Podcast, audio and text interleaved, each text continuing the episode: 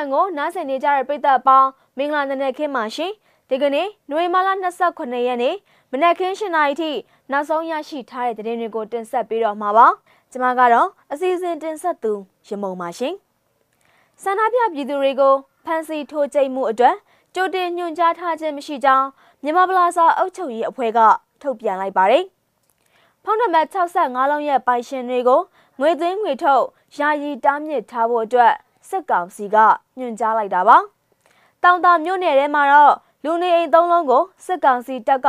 မီးရှို့ဖျက်ဆီးခဲ့ပြီးနေအိမ်တွင်းမှာရှိတဲ့ပစ္စည်းတွေကိုယူဆောင်သွားတဲ့တဲ့င်းတွေအပါအဝင်တခြားစိတ်ဝင်စားဖွယ်ကောင်းတဲ့တဲ့င်းတွေကိုတင်ဆက်ပေးပါတော့မယ်။ဦးဆုံးတဲ့တဲ့ပုံအနေနဲ့ရန်ကုန်မြို့မြန်မာပလာဇာအတွင်းမှာဆန္ဒပြခဲ့တဲ့လူငယ်တွေကိုလုံခြုံရေးတွေကထိုးကျိတ်ဖမ်းဆီးမှုဖြစ်ပွားခဲ့ခြင်းပေါ့မြန်မာပလာဇာအုပ်ချုပ်ရေးအဖွဲ့အနေနဲ့ ကြိုတင်ညွှန်ကြားထားခြင်းမရှိကြောင်းသူတို့ကသတင်းထုတ်ပြန်လိုက်ပါတယ်မြန်မာပလာဇာအတွင်းဆန္ဒပြလူငယ်တွေပေါ်လုံခြုံရေးဝန်ထမ်းတချို့ရဲ့ပြုမှုဆောင်ရွက်ခဲ့ပုံတွေဟာလက်ခံနိုင်ပွဲမရှိပါတော့ကြောင့်ထိခိုက်နစ်နာခဲ့သူတွေနဲ့အများပြည်သူများအပေါ်ထပ်မံပြီးတော့အနူးညွန့်တောင်းပန်အပ်ပါသည်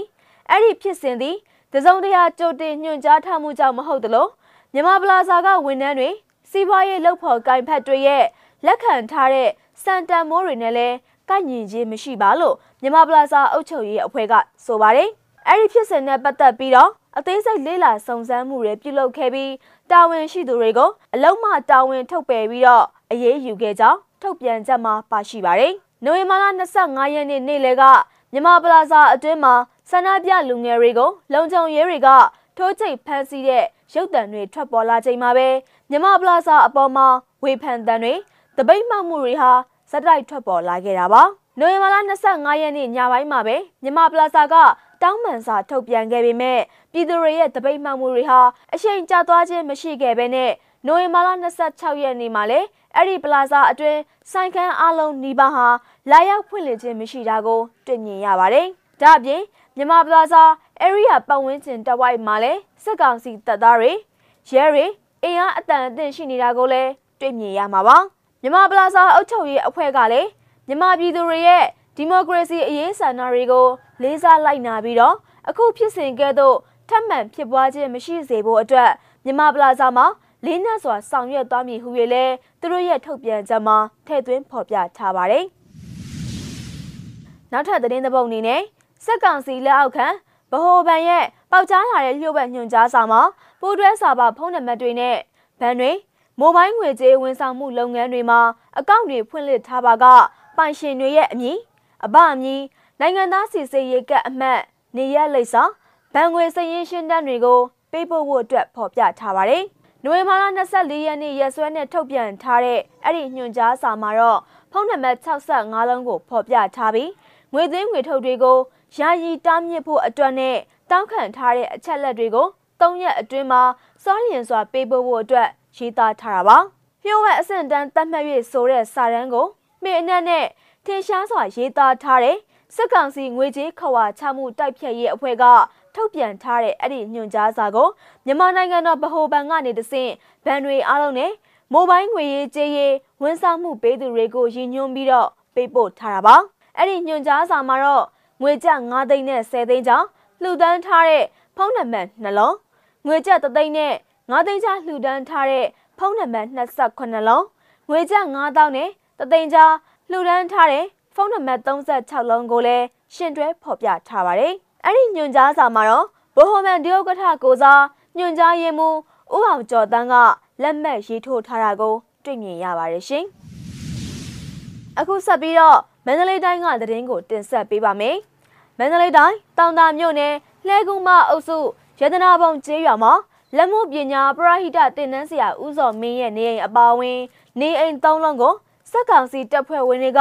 စက်ကား၅စီးအင်အားတရာနီးပါးနဲ့နိုဝင်ဘာလ23ရက်နေ့မနက်9နာရီမိနစ်30အချိန်မှာမိရှို့ဖျက်ဆီးသွားကြောင်းဒေသခံတွေစီကနေတစင်သိရပါတယ်။အသက်50ကျော်ရွယ်ဦးစောမင်းဟာပယံလက်မှုပညာကို အခမဲ့သင်ပေးနေသူဖြစ်ပြီးတော့စစ်ကောင်စီတပ်ကအိမ်တွင်းမှာရှိတဲ့ပရိဘောဂနဲ့တံမိုးကြီးပစ္စည်းတွေအလုံးကိုလည်း ဖောက်ထွင်းတည်ယူသွားကြောင်းသိရပါတယ်။ဒါ့အပြင်ရွာရင်းမှာရှိတဲ့နေအိမ်တအိမ်က7သိန်း50တန်ဖိုးရှိတဲ့ရွှေထည်ပစ္စည်းတွေကိုပါစစ်ကောင်စီတပ်ကယူဆောင်သွားကြောင်းဥစောမင်းကမျက်စိမှကိုပြောကြားခဲ့တာပါအဲ့ဒီနေ့ကမနက်9နာရီမှာသမင်းထချက်နေတာစစ်ကောင်စီခန့်ရာအိမ်မူရဲ့လူတစ်ယောက်ကစစ်သားတွေခမားအိမ်ကိုလာနေပြီးပြေးတော့ဆိုပြီးဖုံးဆက်လို့ကျွန်တော်တို့သားဖနှစ်ယောက်ရဲ့တင်နန်းသား၃ယောက်ရဲ့ထပ်ပြေးရတာပါကျွန်တော်အိမ်ကတိုက်အိမ်ဆိုတော့ ကြက်သွန်ဂရောင်မဲမီးတဲ့ပါသွားပါတယ်ဆိုင်ကယ်6စီးပြက်စီးတယ်ဘေးအိမ်နဲ့အိမ်ကတော့ဝါနဲ့ဆိုတော့ကြာကျသွားပါတယ်တသက်မဲ့မီးလာရှိုးတာပါကျွန်တော်ပြန်ကြားတာကတော့ဒလန်တယောက်ကအိမ်ထဲမှာ PDF တွေရှိတယ်ဆိုပြီးတိုင်လိုက်တာပါ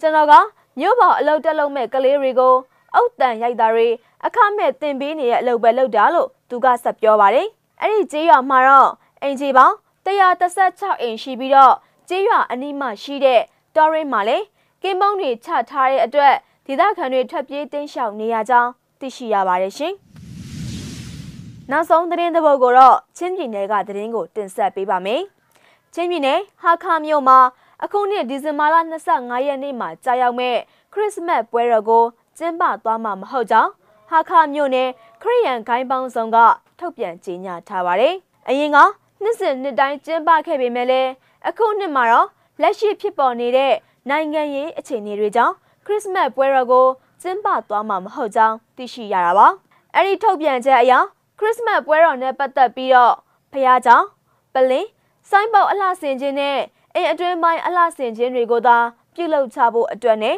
ကျေးရွာရက်ကွက်အတွင်းလမ်းအလှဆင်တာတွေအသင်းတော်နဲ့ရက်ကွက်တွေမှာခရစ်စမတ်နဲ့စုဝဲဝဲပြုဆုတောင်းတာတွေအခန့်ကျွေးမွေးတာတွေနှစ်သက်ကူပွဲတော်ကျင်းပတာတွေကို မပြုလုပ်ကြဖို့အတွက်ဓမ္မအမှုတော်ဆောင်တွေဟာလည်းရုံးတဲ့တခြားနေရာတွေမှာခရစ်စမတ်ပွဲဖိတ်ကြားခံရမယ်ဆိုရင်တော့မပါဝင်မှုအတွက်ထုတ်ပြန်ထားကြောင်းသိရှိရပါတယ်။ထန်တလန်မြို့ကနေအိမ်တွေမီးလောင်ပြီးတော့မြို့ကိုစွန့်ခွာပြီးစစ်ဘေးတင်းရှောင်နေရတဲ့အချိန်မှာခရစ်စမတ်ပွဲတော်ကိုကျင်းပဖို့အတွက်မဖြစ်နိုင်ကြောင်းကိုလည်းအဲ့ဒီထုတ်ပြန်ချက်မှာရေးသားဖော်ပြထားတာပဲဖြစ်ပါတယ်ရှင်။